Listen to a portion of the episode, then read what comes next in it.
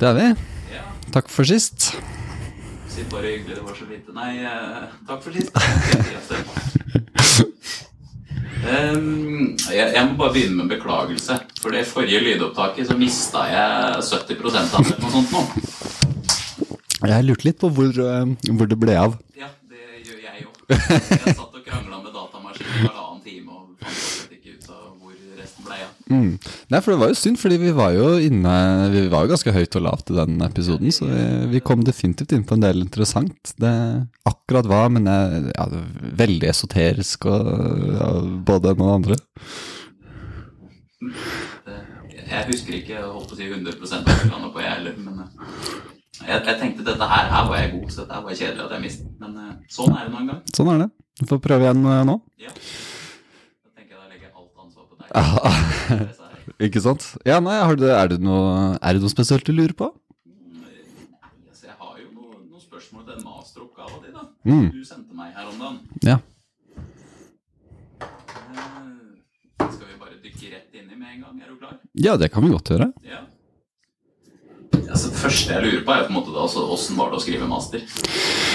Eh, nei, altså relativt ukomplisert, egentlig, vil jeg si. Jeg, jeg har jo bakgrunn fra universitetet, og det er jo klart at uh, på Kunsthøgskolen så leker man kanskje mer akademisk institusjon enn hvordan det er i praksis, for um, det var en nett liten blekk jeg fikk. Ja, ja. Jeg tenkte nå må jeg sette av masse tid, for dette er sikkert 150 sider Nei. og kilder og tjo og. Nei, nei, bare et lite sånn essay, på en måte. Og, og det, kan, det kan på en måte ta nesten hvilken som helst Altså sånn noen skriver på en måte nesten bare noe sånn dikt, liksom. Og så Så det, det skal jo på en måte bare være en slags øvelse hvor um, hvor du skal knytte, klare å knytte tekst og teori til din egen praksis på et eller annet vis. Men aller først og fremst så er det jo en en byråkratisk type For nå har jo Kunsthøgskolen fått såkalt vitenskapelig status, som betyr at de da kan utdanne doktorgradsstipendiater og, og liksom gjennomføre doktorgrader.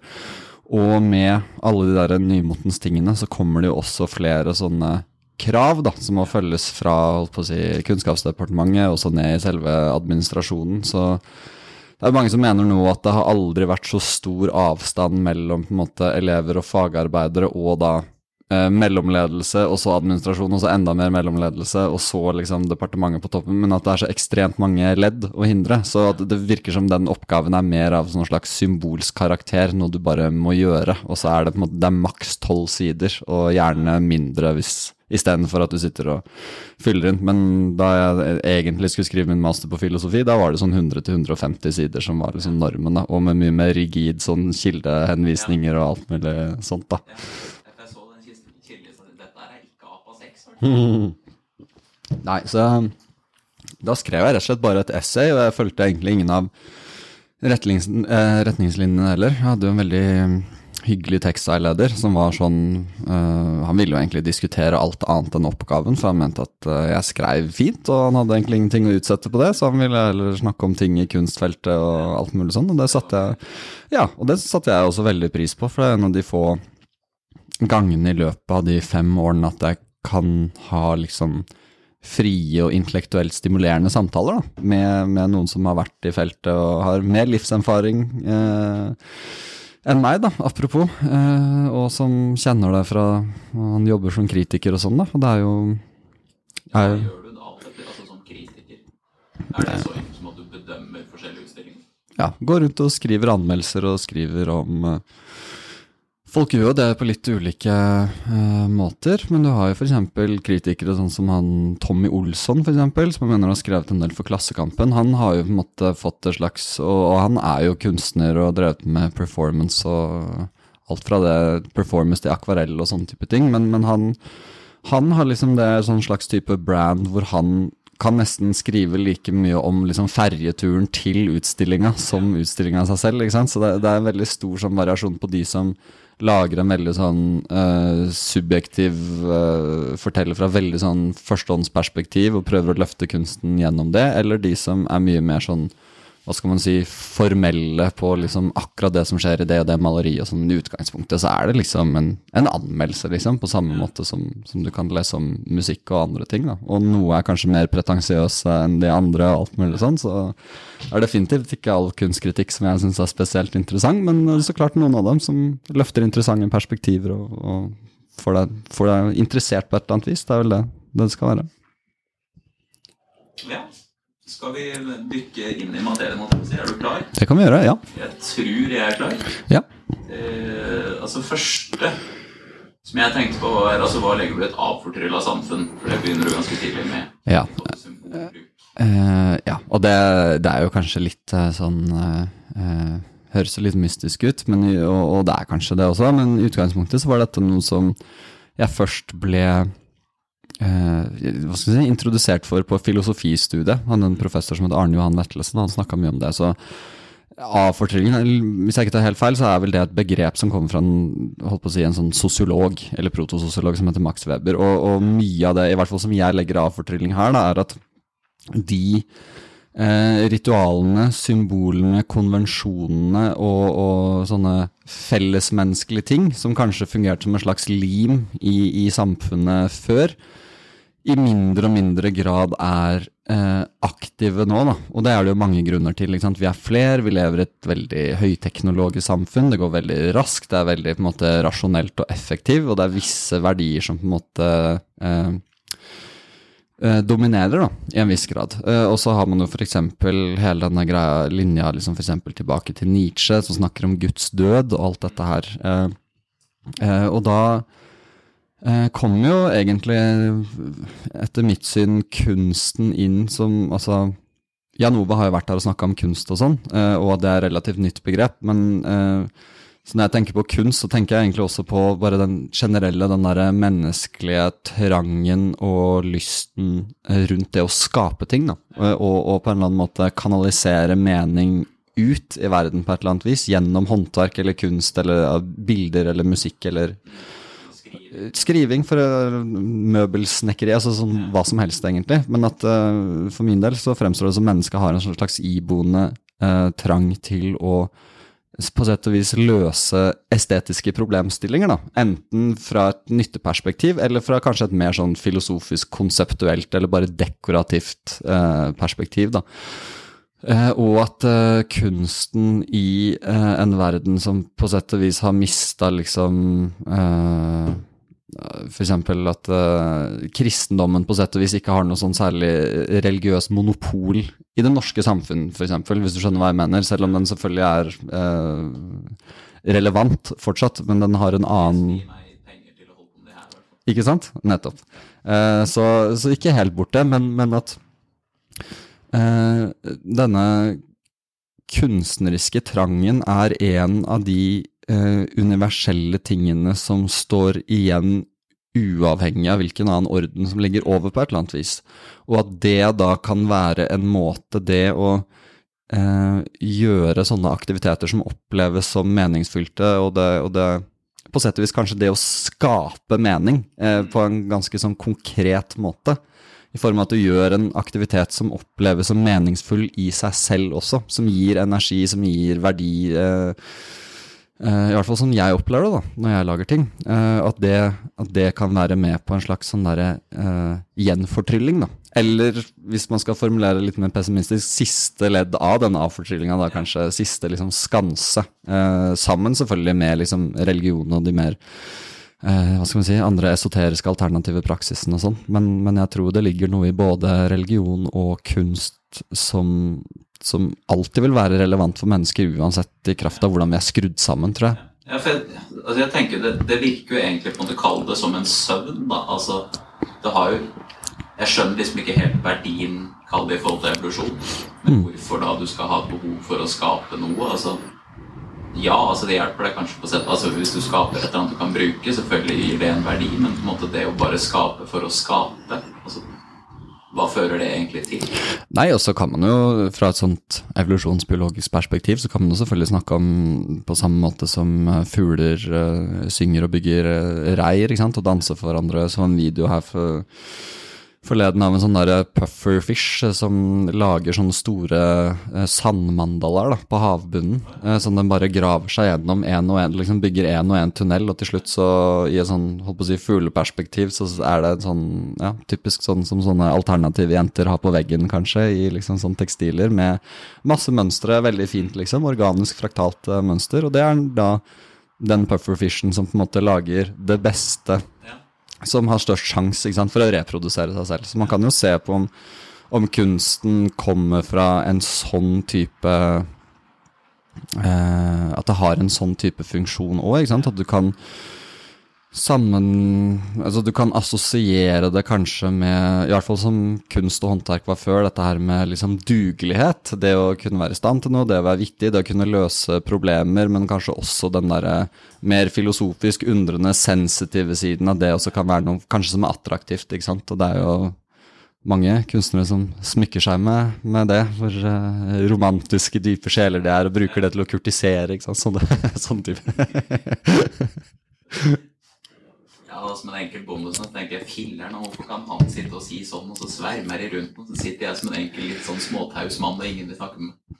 Nei, men herregud, du, er ikke du ute i skogen og sleper eh, tømmer, og det er ganske sexy det òg, har, har jeg hørt.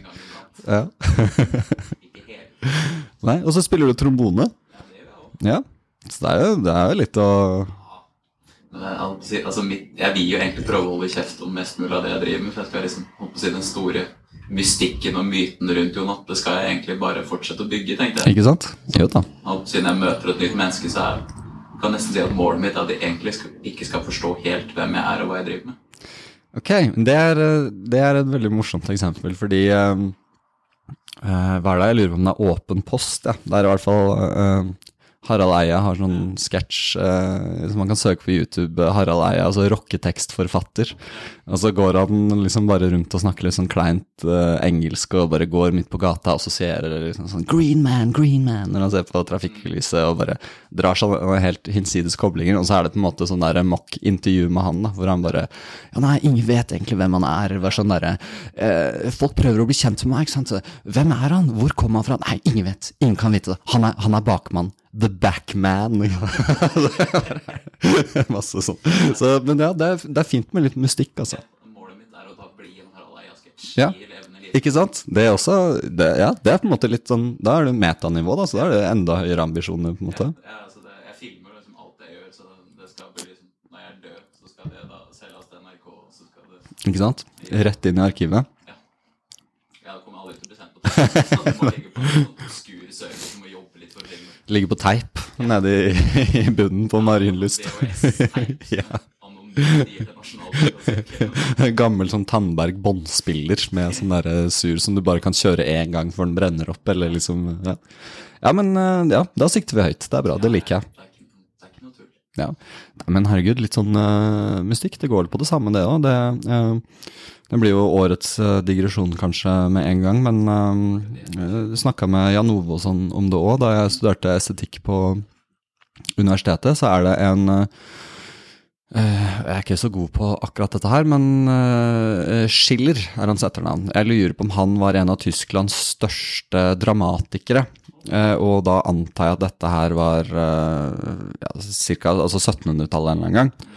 Han skrev et essay eh, hvor han analyserer en sånn eh, Nå husker jeg ikke hvem som har lagd skulpturen, men det er en skulptur av eh, en skikkelse heter Laukon og hans tre sønner. Eh, og bottom line er at de, eh, hvis jeg ikke tar helt feil, så blir de alle drept av slanger. Og da eh, snakker Schiller mye dette essayet her om at i den skulpturen så ser du på en måte ikke at de ligger døde, men du ser at liksom han Laukon står med slanger rundt og slenger dem rundt, og det er slanger liksom på bakken, og, og de barna er der og sånn, så, så skulptøren klarer på et eller annet vis å fryse eh, situasjonen, fortellingen, på i klimakset sitt, ikke sant? Akkurat før den dramatiske vendinga skjer, så akkurat som skulpturen hele tiden står der, er sånn spent, eh, en sånn potent greie, eh, så kan du jo et litt sånn moderne degenerert eksempel vil jo en sånn damer som går med G-streng, på en måte. Eh, du ser jo hele Du ser jo kjøttstykkene på en måte tyte ut. Det er liksom ikke det det står Du ser på en måte hva dette her handler om, for å si det sånn. Men bare det at det er en liten tekstilstrek foran, er nok til å skape en eller annen sånn psykologisk, ikke sant, sånn at det egentlig gjør enda mer potent, fordi da vet du på et eller annet vis at det er noe mer, det er noe du kan kle av, det er noe du kan uh, unveil, da, på et eller annet vis. Så hvis man ikke ser på det så degenerent, kanskje, men i en mer sånn der metafysisk, litt sånn der spirituell dimensjon, så er det noe med det også. ikke sant? Det er det der, på høyden av klimakset, og det som gjør at du lyster etter mer, og ikke går lei av det, på en måte. For med en gang den eh, stringtrusa av, og du på en måte har gjort deg kjent med det du skal gjøre deg kjent med, så da har du opplevd det, på en måte. Ja. Så den samme, liksom, den lille friksjonen er nødvendigvis ikke der lenger, da. Uh, ja, så husker jeg ikke helt hvordan vi kom dit, men det var nå i hvert fall en sånn rask greie med Schiller og hans uh, essay om Laukon. Det anbefaler jeg å lese. Veldig interessant fra et kunstnerisk perspektiv. Men også moderne reklame, for eksempel, bruker dette her hele tiden. ikke sant? De skal på en måte få deg til å tenne på alle pluggene, og så skal de holde deg på pinebenken, sånn at du på en måte må gå og kjøpe produktet ikke sant? for å fullbyrde eh, intensjonen. For, altså, jeg er litt sånn. Jeg er ikke så fryktelig glad i akkurat de der. der. Som regel så får jeg opp reklame for ting jeg allerede har kjøpt. Ja, jeg også. Uh, Ja, har du også den at måte, du, du får opp masse reklame for en nettbutikk du akkurat har vært innom og handla, og så får du liksom reklame for da de produktene du kjøpte? Ja, også, eller sånn at man bare snakker om ting, og så får du reklame rett etterpå fra sånne Samsung TV-er og telefoner som driver og lytter på Og generelt sånn big data. Nei, det er lenge siden jeg egentlig har følt at har, at det har vært noen reklamer som har vært sånn derre Oi, dette her visste jeg ikke om hva var, og dette har jeg veldig lyst på. Det er enten ting som jeg allerede er kjent med fra før, og så er det en dårligere versjon, eller noe som på en måte bare er totalt irrelevant, som ikke kunne vært lenger ute utafor. Men eh, ja, det er mye på mobilen og sånn. Generelt så prøver jeg å Jeg bruker sånn nettleser og sånn som blokkerer all sånn pop-ups og reklame og, og på YouTube og sånn òg. Men hver gang jeg går på mobilen for å høre på en podkast eller noe, så husker jeg på de der 15 sekunders reklameklippene og blir helt gæren av det. er grusomt. Ja, nå er det et eller annet som Ja, det er sikkert ikke så viktig. Jeg hører bare det et eller annet som vibrerer. Du har lov til å sjekke. Jeg, jeg tipper dette jeg holder på med nå, er fryktelig mye mer interessant. Ja, ok. Ja. Da fortsetter vi å holde oss på det. ja. Eh, det du også nevner, er jo det med skjønnhetsdefinisjoner. Mm. Skjønnhet egentlig? Jeg vet ikke om Sier du tar det kantianske eller aristoteliske først? Det er litt vanskelig det der med hva skjønnhet er. Eh, Det er jo Det er jo liksom Hva skal man si, ja? Jeg snakker jo selvfølgelig litt om Kant og sånn, også fordi at han bare har uh, Man kan være uenig med Kant om mye, men uh, sånn som jeg snakka med en, en kamerat av meg her forleden, så er jo Man må på en måte anerkjenne at rent sånn håndverksmessig så er Kant en ekstremt god filosof. Du kan godt være uenig i liksom hans eh, system, hans syn på ting, men han er samtidig en av de som forsvarer i hvert fall det han mener, eh, bedre enn de aller, aller fleste som jeg har lest eller noe sånt. da. Håndverk i logikk, så er han upåklagelig av de beste. Ja, eh, en av de aller, aller største, liksom, vil jeg si. Eh, det, er, det har liksom ikke vært så mange som klarer å, eh, å ja, forsvare den kantianske epistemologien og etikken på en så god måte som Kant selv gjør, og det er jo også derfor man ofte kaller liksom Kants moderne prosjekt innenfor filosofien for en slags eh, Man sammenligner det med den kopernikanske vendingen ikke sant, i, i, i måten vi ser på universet, for Kant snudde en del ting eh, på hodet, kan man si, da, ved å, ved å skape veldig grovt forklart en syntese mellom da eh, Descartes sin rasjonalisme, liksom den franske skolen på den, på den ene siden, og da kanskje spesielt da David Hume på den andre siden, som da de kalte seg empirister. da. Eh, eh, og rasjonalistene var jo mer opptatt av at eh, det var det der logiske, aksiomatiske tingene, det du kunne bare eh, komme fram til via din egen tankekraft, som på en måte var det virkelige, mens empiristene var på en måte forenkla en, da søkte på en måte ut, og gjerne sant, eh, verifisere ting, ikke sant, og ja. Og Hume var jo eh, en, en, en stor eh, skeptiker, og det var jo det Kant sa, at det var først da han leste David Hume, at, han, at Kant ble vekket fra sin dogmatiske slummer. Da, da våknet han på en måte opp. Og prøvde på sett og vis da å kombinere det beste fra begge verdener, da. Og det som han da kanskje er mest eh, kjent for, er det å skape liksom konseptet om syntetiske a priori dommer. Eh, og det er veldig teknisk eh, begrep, så vi trenger ikke å liksom nerde for mye på det, men det har også en utslagsgivende virkning i, i Kants estetikk, da, og, og til syvende og sist hans syn på skjønnhet. Og da kommer man jo inn i dette her denne ideen at for Kant så er ikke skjønnhet nødvendigvis noe som er i denne ølboksen i seg selv. Fordi Kants grunnpremiss eh, i hans teori om hva vi kan vite, og hva slags kunnskap vi i det hele tatt kan ha, så er jo han av den oppfatninga at alt det vi ser rundt oss og er i kontakt med, er jo nødvendigvis filtrert gjennom våre sanseorganer, men også våre eh, mentale, altså kognitive egenskaper. Altså sånn, han sier 'faculties', eksempel. Så eh, vi har liksom ulike kategorier som det, det at vi sorterer ting og kategoriserer dem i liksom eh, størrelse, mengde, tid, altså varighet, rom, alle disse tingene her, da, er eh, nødvendige deler av den menneskelige erfaring. Men selv om jeg da kan f.eks. kategorisere denne boksen her, og den er så og så kald, og den er så og så høy, og den har sånn og sånn form, så er jo det fortsatt et produkt av eh, mine solbriller, på sett og vis. Mine filosofiske, åndelige solbriller. Så hva denne tingen er fra et sånt allvitende perspektiv, er det på en måte vanskelig for oss å si noe om, da.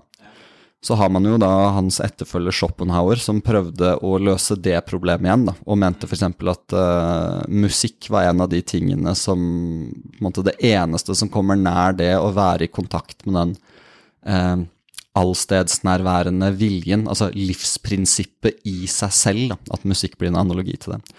Men uh, ja, det, så jeg, jeg syns jo egentlig ofte at uh, um, Schopenhauer har en mye mer interessant, eller i hvert fall morsom å lese uh, estetisk teori enn det Kant gjør, som, fordi Kant igjen er ikke den som egentlig snakker mest om kunst og musikk som sådan. Han er liksom først og fremst opptatt av, eh, av, naturen og bare hvordan kan skjønnhet være mulig overhodet. Og så blir det på en måte en mye mer sånn logisk øvelse enn egentlig å sitte og analysere kunst liksom som sådan. Så han på en måte prøver å etablere lovene for hvordan noe kan være eller fremstå som skjønt i det hele tatt.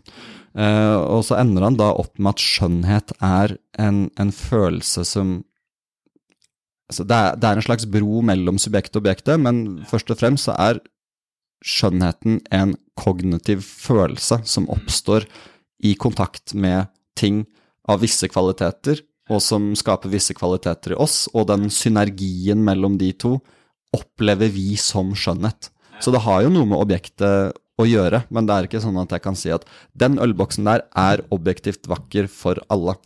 Eh, og det har jo blitt et liksom Uh, er jo et ankepunkt, f.eks. Uh, sånn som Jan Ove snakka mye om det, uh, mener jeg husker, i deres samtale om kunst og kitsch og sånn. Og jeg kan godt se de innvendingene. Samtidig så prøver jo Kant, da. Det er jo der han prøver å være litt sånn finurlig og lur og sånn, at han må, han må, på et eller annet vis For hvis det er sånn at alt bare er subjektivt, så kan estetikk aldri bli en slags vitenskap. Altså Estetikk da kan ikke være en filosofisk dis disiplin. Hvis det er sånn at jeg kan si ok, min skjorte er finere enn din, og det er bare fordi jeg mener det, og så sier du ja, men min er finere enn din, og så har på en måte begge like rett. Da nytter jo ikke å etablere noen slags objektive lover, eller Så, så han er opptatt av at eh, skjønnhet har også en universell dimensjon i kraft av at vi alle har de samme liksom mental faculties. Da. Vi har de samme kognitive kategoriseringsprinsippene, og vi har på sett og vis samme hardware, på et eller annet vis. Som gjør at når jeg sier at uh, skjorta di er uh, Skjorten din er vakker, Jon Atle, ikke sant? Så uttrykker jeg det som om det Som om hvem som helst skulle vært enig med meg.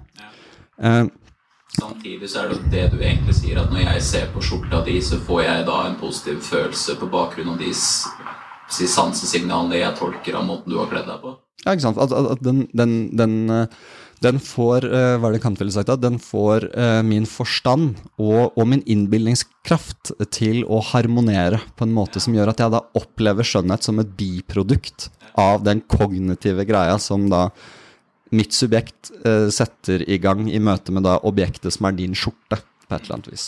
Så det blir jo veldig sånn teknisk og, og, eh, og logisk, mens f.eks. hos uh, Schopenhauer så skriver jo Schopenhauer veldig mye mer i metaforer og bilder, analogier og sånne type ting. da.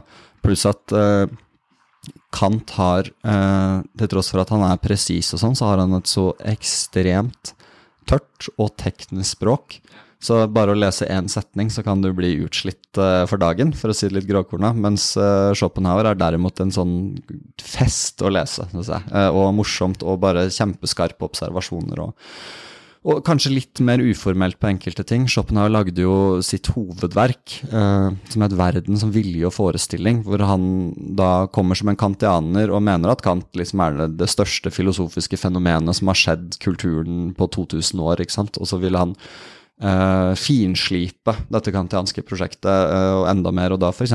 får estetikken og skjønnhet og musikk en sånn vesentlig plass mellom at det blir den definitive da, broen mellom uh, tingen i seg selv og vår forestilling av tingene. Så, så, akkurat som du har en direkte Du kan på en måte ta og Du kan løfte bitte litt på sløret og på en måte men så er det tilbake igjen. Og Schopenhauer var en ekstremt pessimistisk filosof, så han mente jo at uh, livet bare var uh, fluktuerte mellom uh, det å kjempe for overlevelsen, og så fort du har klart å overleve, så fort du er mett f.eks., så venter du bare på å bli sulten igjen, og når du har alle dine behov dekka, så svinger pendelen tilbake, og da kjeder du deg. Og da må du finne på, ikke sant, og så er det tikk-takk, og sånn går det, liksom. Så det kan jo være litt sånn Mange syns at han er veldig deprimerende å lese, men jeg syns at han også har en en eh, ja, helt sånn fantastisk måte å beskrive på ting. Så jeg kan ofte sitte og lese det og så le litt. Og sånn. Og så skriver han nå 'Verden og vilje og forestilling' er en sånn tungt seriøs, sånn diger monografi, sånn murstein. ikke sant? Men så skrev han jo masse små essayer, korte tekster, 10-15 sider, ikke sant, om, om, det å tenke, om det å skrive. ikke sant? Hvor han eh, blant annet har sånne gode bilder som Apropos sånn masteroppgava mi, da, sånn, så er det jo lett å tenke sånn når du sitter og skriver, og så føler du deg skikkelig lurifaks. ikke sant? Så sier han at man må alltid huske på at eh, ord, når de skrives, de følger også gravitasjonens lover. Så ord faller lettere fra hodet og ned på papiret enn hos leseren at de går opp. ikke sant? Så du må alltid være sympatisk og hjelpe leseren til å motta, fordi man føler seg alltid ikke nødvendigvis alltid, men man kan jo ofte føle seg litt fancy-schmancy når man sitter der og skriver og ja, ja, ja, nå er jeg inne på noe, liksom. Jeg har kjent på det sjøl og tenkt sånn Jeg søren at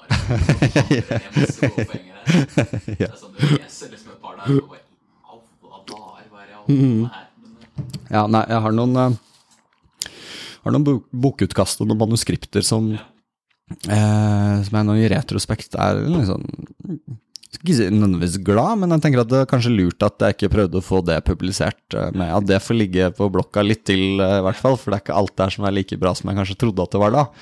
Selv om jeg følte at det var veldig, veldig bra. Det var sånn du bare følte at du var på en annen planet, så gravitasjonen var enda sterkere fra huet og ned til tastaturet? Ja, det var jo sånn der eh, Det er jo sånn altså, ting som er skrevet i affekt og inspirasjon, ikke sant. Og mye av det kan være bra, men så er det jo også sånn enkelte ganger hvor jeg ser det bare sånn Ok, nå har jeg egentlig bare hatt en idé om at jeg skal skrive bok, og så skriver jeg ut fra den ideen istedenfor at jeg skriver fordi jeg har noe å si.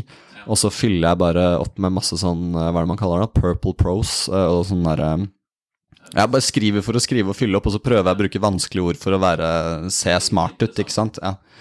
Uh, og, og, det er klart at man kan, jo, man kan jo skrive med Det er jo mange måter å skrive på. Noen Jeg har alltid vært uh, opptatt av det å skrive, og når jeg drev med sånn rapping og alt mulig sånn nå, så er det jo noe med det at det fins en sånn slags estetisk dimensjon i det når ord uh, og stavelser sammenfaller og klinger godt sammen og sånn. Og po poesien er jo på en måte en slags kondensert versjon av dette hvor også selve klangen av ord er med på å skape bilder og stemninger, ut ifra hvordan de ruller på tunga og sånne type ting. Så jeg likte å skrive liksom lange remser med da også, en, Kanskje egentlig betrakte skrivinga mer som på, på, samme måte som jeg ville spilt gitar, ikke sant, med bare klanger og harmonier, og så er det ikke da at det nødvendigvis er en, en helt liksom eh, klar historie fra A til Z, eller A til Å, men at det heller er eh, ja, hva skal man si, en slags stemningsbilde. Det er, det er ulike grader av intensitet som skvulper fram og tilbake, på et vis. Men uh, det også kan jo selvfølgelig gå helt uh, bananas feil, ikke sant? sånn som alt annet. Og noen ganger prøver man å være tørr og veldig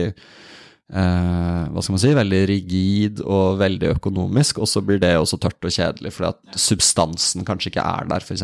Eller at man tror at et argument er veldig gjennomtenkt, og så slår det egentlig Har egentlig korthuset rast for lenge siden før du skjønte det selv, da, men alle andre kan se det. Ikke sant? Sånne ting.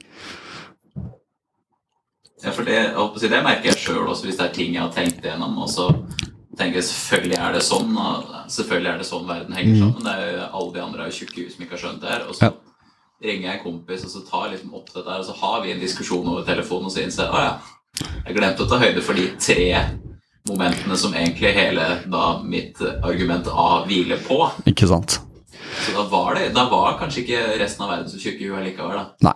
Eh, Og for å liksom sirkle litt tilbake, så er det jo det er også derfor det er veldig vanskelig for meg egentlig å si noe om hva skjønnhet er. ikke sant? Fordi det fins mange forskjellige teorier, estetiske teorier. sånn kontekstbaserte teorier og eh, sånn kjente kunstteoretiker, sånn Arthur Danto for eksempel, som skrev en bok eh, The End of Art og After the End of Art, hvor han mente at liksom kunsten hadde nådd et slags hegeliansk sluttpunkt, og når f.eks. eh, pop-art-kunstneren liksom Andy Warhol kan da stille ut um, hvor han har malt Eller har et verk som heter Brillo Box, hvor, hvor han har Utgangspunktet, la oss si du hadde gått på butikken, og så lager du bare din egen replika av sånn der eh, Zalo oppvasktabletter, på en måte, og så bare maler du det, og så maler du sånne, og så stiller du de ut i et galleri, ikke sant. Da har, da har kunsten kommet til et sånn konseptuelt plan hvor um, Og dette er også noe sånn altså institu, Hva er det? Institusjonsteori, et eller annet, men, men hvor clouet er på en måte at så lenge du setter noe inn i et galleri i en viss kontekst, så er det per def kunst, ikke sant? Fordi det, det skifter en eller annen konseptuell greie i hodet, sånn at du på en måte opplever det via en sånn kunstnerisk åpen modus, kan man si. Uh, og så har du f.eks. kitsch-definisjonen, ikke på kunst, men på kitsch, da, som er helt, helt annerledes og følger en helt annen skole og disiplin. Og så har det jo vært veldig mange Noen mener jo at uh, skjønnhet er totalt subjektivt, f.eks. Andre mener at det fins helt objektive, liksom nevrologiske ting i hjernen vår som gjør uh, Som stimulerer hjernen vår på en viss måte som vi opplever skjønnhet. Og da, med tanke på det vi snakka med evolusjonsbiologi, da, at, at det kanskje kommer derfra, f.eks. Uh, ja, nei, så det, det, det jeg, jeg, kan ikke gi noe godt svar på det, fordi jeg følte at da, da også ville jeg måtte bare ta et eller annet premiss for gitt, og så bare er det helt åpenbart at det ikke fyller hele skalaen, ikke sant, så det, det er alltid Så jeg må nok si at jeg er, jeg er vel litt sånn der blind, at jeg, jeg, går inn med en sånn ren intuitiv og instinktiv holdning til det, og gjør det som jeg syns er interessant, og prøver å skape fra et hva skal man si, følelsesmessig, spirituelt og filosofisk utgangspunkt, eller bare som ren kanalisering av energi, og så er det ting jeg syns funker bra, enten bare fordi jeg syns at det på et eller annet vis ser kult ut eller er spennende, at det liksom fanger noe i meg, eller at det kanskje er mer sånn eh, konseptuelle ting, da, som blir mer en slags form for nesten sånn praktisk filosofi, eller sånn skape visuelle paradokser, eller sånn, sånn type ting, da. Så jeg er nok Det er enda mer spennende musikk, faktisk. Ja. Så det å skape paradokser med på en måte, ok, nå kombinerer vi to instrumenter som i utgangspunktet ikke har noe med hverandre å gjøre. Ikke sant? Hva skal til for at det funker? Ja. Jeg har jo holdt på med det med de trombonesamplene du sendte meg, f.eks. Jeg å funke. Ja, jeg tror det skal funke snart. Eh, jeg, jeg har jo hatt en sånn veldig Jeg har alltid vært sånn der når det har kommet til musikk, sånn ekstrem sånn lofi. Gått og tatt opp alt med mobiltelefoner og brukt dårlig programvare. Og, eller ikke dårlig programvare, men jeg er dårlig til å bruke programvare. Um, uh, og holdt på med det kjempelenge, mens nå de siste ni månedene har jeg liksom gått sånn ekstremt hardt til verks på å prøve å forstå ting jeg burde forstått for ti år siden, da, med, med måte mer håndverk rundt lydproduksjon og lyddesign og sånne type ting. Eh, så det, da har de trombonegreiene du sendte meg, kommet godt med. Så nå lager jeg noen sånne veldig sånne der, støyete drone, ambient, liksom sånn voldsom Hvor jeg på en måte bare har laget på en måte én låt, og så har jeg eksportert den, og så har jeg tatt den inn på nytt som en helhet og lagt til ting rundt det, og så på en måte laget sånn skikkelig bløtkake og kjørt gjennom forskjellige sånne um, effektpedaler og ting, så til slutt så bare sitrer det og knitrer det, og det er liksom vreng og sånn, men du har fortsatt da disse trombonehylene som kommer liksom inn. eh, Så jeg, jeg tror det skal bli litt episk hvis jeg, hvis jeg klarer liksom å naile den siste delen av den oppoverbakka. Så nå har jeg sånn ti, ti låter klare, og de trombonegreiene er med på en tre-fire av dem, tror jeg. Ja. Og de, de er jo også veldig prosessert, men eh, noen av de så kan du høre den originale greia, og så har jeg på en måte skrudd de ned i pitch og, de, og dobla det og lagd harmonier, og, eller bare gjort dem helt ugjenkjennelige, ikke sant, men som effekter som svirrer rundt. Altså, nå kan jeg på sett og vis nesten kalle meg som sessionartist eller noe sånt. Ja, du må jo nesten bli kreditert på sample provider. Jeg, jeg, jeg tenker det er veldig gøy og så må du bare få mange sånne kalde hatter da, Ja. for forskjellige ting du gjør. Ja. På en måte egentlig ikke har noe å si. Mm. Jeg tenker det er bare veldig gøy å på en måte kunne presentere seg som ja, nei, jeg er også sånn litt sånn artist på si, da. Ja, ja. Screenwriter, director, eh, musician, podcaster eh, Ja. Nei, men hvorfor ikke? Nei, altså, jeg, altså eneste problemet er sånn Det jeg har kjent på nå, ikke sant, med at når jeg um, For jeg har jobba som kjerketjener en stund, og så har jeg på en måte den hatten på meg. Ja. Og nå har jeg begynt å jobbe på gravplass, så da er Ja. den hatten. Mm. Og så er jeg jo da håper jeg, bondesønn, så jeg lefler jo litt med gårdsdrift, så da er jeg den hatten, ikke sant. Mm. Og så er det noen i den kjerka som kjenner mamma, og noen som kjenner pappa, så da er jeg den hatten som sønn av de to. Så jeg kjenner på en måte med fem-seks forskjellige hatter, så begynner det å bli vanskelig å holde oversikt etter hvert.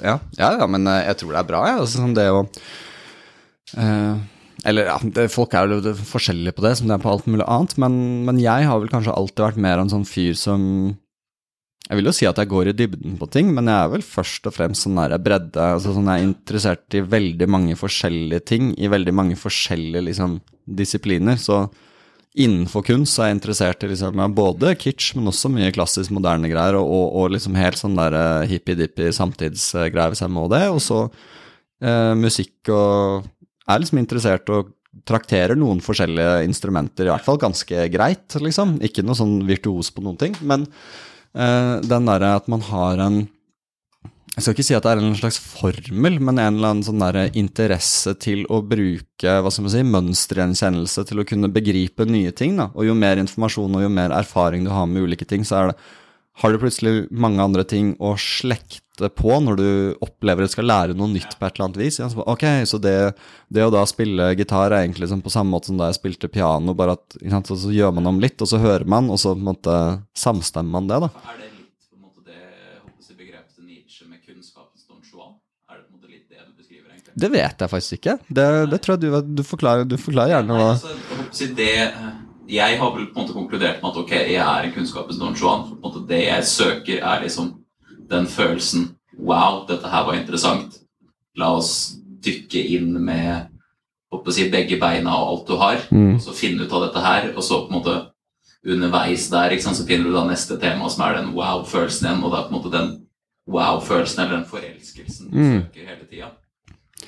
Det minner jo eh, for øvrig veldig mye om hva eh, Jung snakker om. eh, Carl Jung, som var en stor Nietzsche-fan, eh, må man si. Han eh, har jo uh, skrevet jo en bok som heter Psychological Types, en eller annen gang på 20-tallet, tror jeg. 1920, altså rundt der i hvert fall. Starten av 1900-tallet. Eh, og der beskriver han forskjellige eh, personlighetstyper, eller sånn som når vi snakka med Kant om sånne faculties, som mente eh, Jung, som også var en sånn kantianer, kan man si, eh, også at mennesket personlighetsmessig har enkelte sånne faculties, og han har jo nå i dag så er det kanskje mest kjent fra sånn der kommersialisert sånn der Meyer-Briggs eh, 16 personalities-greie med sånn bokstavkombinasjoner og sånn. Ja, men Big Five er litt annerledes, fordi eh, eh, Big Five har vel for det første et bedre statistisk grunnlag, og i hvert fall har tilrøvet seg en litt mer vitenskapelig status. Så det er klart at uh, jungianske greia er litt mer mystisk, og fra hans del så virker det nesten som det er en sånn natur Altså sånn Nesten som det er en sånn slags medfødt greie, da. Eller i hvert fall at det er så um, uh, Det er så på en måte dominerende hos folk at for at de skal skifte sånn hovedorientering personlighetsmessig, så er det generelt etter ekstremt traumatiske ting. Eller veldig på et eller annet vis livsforandrende vis, da. Eh, men i hvert fall når du snakker om den Don eh, Kunnskapens Don Juan, så den ideen om å hoppe fra ting til ting, litt sånn, sånn som et juletre, at det lyser og pærer rundt omkring, å, det er lys der, og det er lys der, så? Eh, uten at du kanskje sitter og gransker den ene kula kjempelenge, men at du heller har en sånn eh, slags eh, total liksom sånn der edderkoppnett-type. Det rister litt her, og så går edderkoppen dit, og så rister det litt der, og så sakte, men sikkert så lager du nye tråder og nye veier liksom tilbake til det samme. Eh, det er eh, en god beskrivelse for det Jung kaller eh, ekstravert intuisjon. Den fungerer sånn, sier han, da. Og han sier at den ekstraverte intuitives problem er jo litt som det du beskriver, som også kan være den problematiske siden, er at han høster, og så Nei, vent, han sår. Og så går han videre, og så sår han på neste jordet, og så sår han, men så glemmer han å høste. Ikke sant? Eh, og, og, og, det har jeg følt litt på òg, at, at, jeg kan være hyperfokusert på ting som jeg syns er interessant, men så kan det dabbe litt av, f.eks. Og så og det drev jo liksom med breakdance og snowboarding, og så ditt og datt, og så trommer og piano og gitar og sånn. Det gjør jeg fortsatt. Altså musikken og den kunstneriske, den estetiske tilnærmelsen har blitt der, og interessen har blitt der hele livet. Men akkurat om jeg liksom sitter og øver gitar tolv timer i døgnet for å kunne poste sånne heftige Instagram-reels. Liksom det, jeg er ikke helt på den, da. ikke sant? Så, og det er litt frustrerende av og til, for noen ganger så har du lyst til å kunne sweep-picke og spille med alle ti fingrene sånn kult liksom overalt. Så, så teknikken skranter kanskje litt på grunn av det, men samtidig så når man har et bredt spekter av ideer og assosiasjoner og sånn å spille på, så kan du fortsatt bruke verktøyene du har på en interessant estetisk måte. Selv, uh, så det må være mitt forsvar for det. Samtidig som uh, jeg aldri måte vil undervurdere viktigheten av det å øve, og det å faktisk ha en sånn håndverksmessig tilnærmelse til ting, hvis man har lyst til å mestre det. da.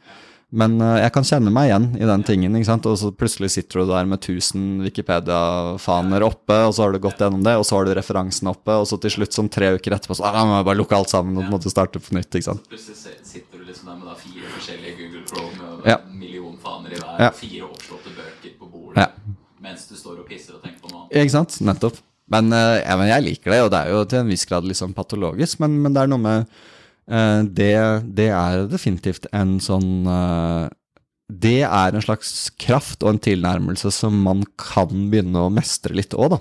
Eh, apropos det jeg snakka med å gå inn og, og, lære mer om de tekniske tingene ved sånn musikkproduksjon, f.eks. Det var et sånt jorde som jeg ikke våga nesten å så i det hele tatt, liksom. Eh, da jeg var yngre, for at jeg tenkte at å nei, det er så vanskelig, og det er så teknisk, og jeg skjønner ikke hva noe av dette her betyr, og jeg orker ikke, jeg tør ikke, ikke sant? Prøv, så bare vente meg bort fra det. Samtidig som jeg hele tiden visste at for å komme dit musikalsk som jeg har lyst til, så må jeg innom der, da. Jeg trenger ikke å være verdens beste, men jeg må skjønne liksom det fundamentale greiene her.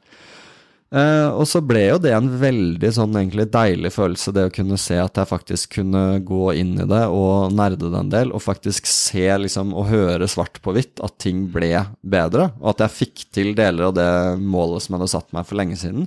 Og det å skape jo en sånn derre selvtillit på at så har til slutt da denne Don Juan-skikkelsen endt opp her, og så har jeg klart å forplikte meg såpass mye til det at, at det liksom det har vært verdifullt for meg, da. Og at jeg får feedback fra andre at oi, det liksom, låter mye bedre. Og noe masse. Ikke sant. Eh, og det er bedre enn ingenting, ikke sant? så det er greia. Og så, så kommer det jo nye runder med sånn inspirasjon og sånn, så jeg tenkte at uh, liksom det viktigste for min del tror jeg er at jeg alltid, eller sånn estetisk i hvert fall, er at jeg alltid har liksom noen baller i lufta. Og jeg har alltid jobba veldig aktivt med det å kunne liksom sjonglere mellom billedkunst. Og når jeg ikke er så kanskje opptatt av det, eller litt lei av det i perioder, så kan jeg da gå over og så holde på med, med liksom noe skriving eller noe sånt, eller med musikk, og at ting avløser hverandre, men samtidig gir energi til de ulike, da, og innsikt i de ulike. At du plutselig jobber med en skulptur, og så får du ideer om hvordan dette her henger sammen med musikk. Akkurat som du, du jobber ut fra noen slags liksom, mystiske, universelle prinsipper som du avdekker mer og mer, men som alltid vil forbli ukjent. Da, men at du, du føler at det er lettere å liksom stige inn i den der flytsonen, hvor, hvor, hvor, du kan bruke det du har, til å liksom gjøre noe som ikke nødvendigvis er fornuftig, men som virker eh, ja, meningsfylt. da, I, igjen, Den der gjenfortryllende greia. da, Og det er jo også litt av det som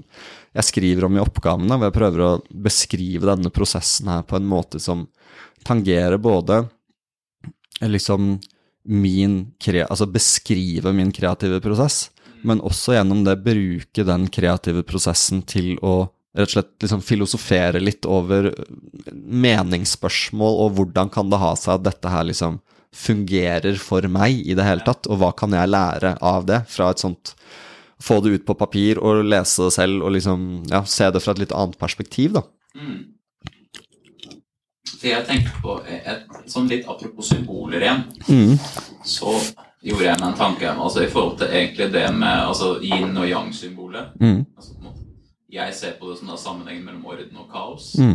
Eh, og med på en måte et avfortilla samfunn så har man også da gitt rasjonalitet da en større plass. Mm. Ergo så vil jeg da tenke at i symbolet så vil du da forskyve en av yin og yang. At du på en måte flytter det forholdet som kanskje tidligere var 50-50 mellom kall det rasjonalitet og kaos. At det kanskje nå er nede i 70-30. Jo, det kan man eksempel si, ikke sant. Ja, Og, hvordan på en påvirker det da et menneske til ja, og, og? Ja, ikke sant? Og nettopp eh, at den derre det, I det symbolet, eksempel eh, Du har det store hvite yin-feltet, eksempel, men så har du en svart prikk inni der. ikke sant? Det kan man kanskje se litt på da, altså, Det blir jo sånn grove overslag her, for jeg er ikke noe sånn god på daoisme. Men jeg tror at dette er eh, nå, Generelt veldig dårlig på yin-yang i his, historikken. Ja, Nei, men uh, pointet i hvert fall, da. Og så får heller folk uh, komme på podkast og gi en uh, redelig forklaring på dette her. Ring 90 27 67 67. Så skal- Jeg er klar til å ta den diskusjonen på deg. Ja, veldig bra. Uh, nei, for, for det jeg bare tenker sånn intuitivt, ehm, er jo at eh, da, da kan man jo se liksom for eksempel eh, den yin-flaten, den store hvite flaten uh, med en svart prikk, eller motsatt, stor svart med med hvit prikk, ikke sant. Og så uh, at da for eksempel kan jo den derre eh, lille prikk Altså sånn selv hvor mye den derre ratioen er liksom kanskje med sånn rasjonalitet, da, som har dratt over, så har det fortsatt et aspekt av disse herre nødvendige menneskelige impulsene til gjenfortrylling, til kanskje religiøsitet, kanskje til liksom eh, Selv i en verden som liksom er prega for samlebånd, så er det akkurat som mennesker higer etter en eller annen høyere form for mening eller samhold eller sånne type ting. da. Ja, på den trekken så tenkte jeg vel egentlig på en måte mer sånn Altså den kreative prosessen du beskriver. Fordi altså du har jo en rasjonell tilnærming til 'nå må jeg gjøre sånn', ikke sant? fordi det er den mest effektive måten å få maling på det feltet, f.eks. Mm. Så det er en hyperrasjonell måte å forholde seg til et irrasjonelt område, Mm. egentlig. Er det kanskje det det beskriver? Ja, det kan godt være, og det er jo sånn Det er også interessant fordi når jeg eh, eh, Når jeg setter meg ned og spiller gitar, f.eks., så er det ikke sånn at jeg tenker veldig sånn Jeg behersker jo liksom, til en viss grad musikkteori og sånn, men når jeg spiller på egen hånd, så er det litt sånn at de tingene faller ut luka, og så kan jeg sitte og tenke på det etterpå, men når jeg spiller, så er det først og fremst eh, bare forskjellige kombinasjoner og inversjoner av mønstre og muskelminne og liksom sånn Ok, hvis jeg, hvis jeg liksom Ok, nå føler jeg Nå, nå trekker følelsen meg en sånn her type retning, så da gjør jeg kanskje skalaen litt mørkere, litt mer dissonant, f.eks., og nå er den kanskje litt mer sånn heroisk, og da vet jeg at jeg kan gå over på en sånn eh, en lydisk skala, f.eks. Det er sånn, sånne grunnpilarer, men i selve den spilleprosessen så går de tingene veldig naturlig, men så kan jeg da gå tilbake etterpå og tenke ok, hva var det som gjorde at jeg syns akkurat det der funka så fett, og sånn, så kan jeg se litt nærmere på det, og så er jeg ikke sånn derre super liksom kjent på gripebrettet egentlig, så jeg må på en måte drive og plunke meg litt fram. Ok, det var den, og så gjør jeg sånn. Og, så, ok, og det betyr at det da gikk fra liksom frygisk til lydisk, og så inverterte jeg det mønsteret der og spilte melodien på mørkere streng. ikke sant? Og så på en måte internaliserer jeg det litt, og så kanskje neste gang så gjør jeg det litt mer effektivt, men fortsatt fra Ehm, på samme måte som når jeg maler, at da, da kommer det fra et veldig sånn irrasjonelt sted, men så går det liksom tilbake ja, Kanskje litt sånn yin-yang. At du er først i handlingen, du er i gesten, du er i liksom kanaliseringen, og så går du tilbake, og så får du et overblikk, og så går du inn igjen på et eller annet vis. da. Så det å dykke inn og ut av det ukjente hele tiden, men, men at du, du gjør det på en litt sånn at uh, du vil et eller annet med det, selv om du ikke vet hva kanskje det betyr, eller hva det skal bli som sådan. da. Holdt si eksempel fra mitt liv blir jo på en måte det å børste fram nye klatreruter. Mm. For det er jo Altså, det er jo Skal du se rasjonelt på det, så er det idiotisk bruk av tid. Eh, Altså, det tar kjempelang tid. Du må først finne ut hvor det er hen, og så må du inn der og fjerne all måsa, og så begynne å klatre og finne ut av det. ikke sant? Men du har fortsatt en sånn veldig rasjonell og metodisk tilnærming til det. ikke sant? Med at ok, da skal jeg ha Nå har jeg funnet ut flytt A, ikke sant? Mm. Da er det da flytt to, da må jeg gjøre sånn. Og så må du på en måte finne ut av det hele veien før du da kan klatre det opp. Mm. Ja, og det uh, Ja, nei, sorry. Bare Ja, fortsett. og så Samtidig så gir jo det meg da en veldig stor følelse av mening. Jeg kan ikke forklare hvorfor det, men jeg ser på det som meningsfullt arbeid på et eller annet vis. Ja. Ja, men Det kan jeg godt, uh, godt forstå, selv om jeg aldri har vært noen sånn klatretype selv. Men det er jo sånn klatring og filosofi har jo en ganske sånn Ja, øh, I Norge har det en ganske stor sammenheng. Ja, det har det. Eh, og det, det er kanskje ikke så rart heller når man tenker over. Både filosofi og kan jo se på som egentlig en sånn slags helt meningsløs aktivitet på et eller annet plan. ikke sant? Og, så det tar enormt mye tid, og det er enormt eh, holdt på å si, mentalt eh, utfordrende. Eh, så det å liksom da børste fram nye ruter og gjøre den greia altså For det første så er du i kontakt med liksom omgivelsene dine, du har kontakt med kroppen din, du bruker intellektet ditt til å virke ute i verden, og til slutt mestre et eller annet aspekt av det. Og på samme måte som jeg snakka om det med å liksom lære meg de musikkproduksjonstingene, så er det også noe ekstremt tilfredsstillende, tror jeg, for mennesker, det å føle at de klarer å bruke bevisstheten sin aktivt og oppnå et eller annet, da. Selv om det er da å børste bort litt eh, mose, og så vite at du kan nå Ok, nå kan jeg ta enda et flytt, på en måte, på eh, denne reisen som ingen helt veit hvor skal, da, kan man si. Eller, det ender. ja, ikke sant? Så har man eh, Flere jeg holdt på med, ja, Det er vel sesong to på det nå, tror jeg. Jeg gjorde to nye flytt for 14 dager siden. Ikke sant? Ja. Da er det bare sju flytt igjen, da. Samtidig så ligger det i egen skau, så det er sånn du må spørre pent for å få vite hvor de ligger. Ikke sant? Det er greit, Jeg er ikke så veldig bekymra for at noen kommer og tar dem. Snart kommer hele Kolsås klatreklubb, vet du, og må du ut med børsa og. Nei, vi får se. Plutselig så har du lagd sånn der eh, klatre-eldorado. Ja. Blitt en sånn eh, Kommer det masse feite tyskere og så lager sånne enkle løyper for dem, ikke sant? Og så har du plutselig et imperium. Jeg håper å si, altså, Basert på det jeg børsta fram, så er det ingenting der som er sånn eh, Nå er ikke jeg på et ekstremt Ikke noe som er tyskervennlig. Nei, altså, det er ingenting av det jeg har børsta som jeg har tenkt at her kunne en feit tysker klart seg veldig Nei. fint. Nei, og nå er vi slemme med tyskerne, men samtidig så har vi jo hatt god representasjon med Kant og Schopenhauer og Nietzsche, så Jeg Der tyskerne er gode på bobil og, og pølser, så er de også gode på filosofi og, og kunst og den slags. Ja, ja veldig. Er det, jeg håper jeg, er det dit man må? på en måte, at man, Den neste store tyske filosofen må på en måte kombinere pølser, eh, bobil og filosofi? Ja, Kjører opp i bobil for å se på de norske filosofene klatre, mens han sitter og pludrer ut eh, hvordan er klatring mulig overhodet? Og så Ja, hvem vet? Det som blir neste store teori. Men eh, hvor lenge har du klatra? Vi snakka kanskje om det sist, tror jeg. Husker jeg ikke. Nei, jeg begynte i 2017. Mm. Så det blir fem år, da, faktisk. Ja. Nei, for jeg husker det var det da jeg studerte òg. Det var veldig mange av de gutta i hvert fall på, på Blindern som dreiv med dette her og var opptatt av det. Uh, Nå har det jo blitt mindre nå, da. Egentlig, altså Med at jeg har starta med dette her og blitt Mm. veldig god til å på hoppe på veldig, masse, mange, eller veldig mange ting samtidig. mm, Og da er det dessverre så har jeg behov for åtte timer søvn, og jeg har de samme 24 timene som alle andre. ikke sant?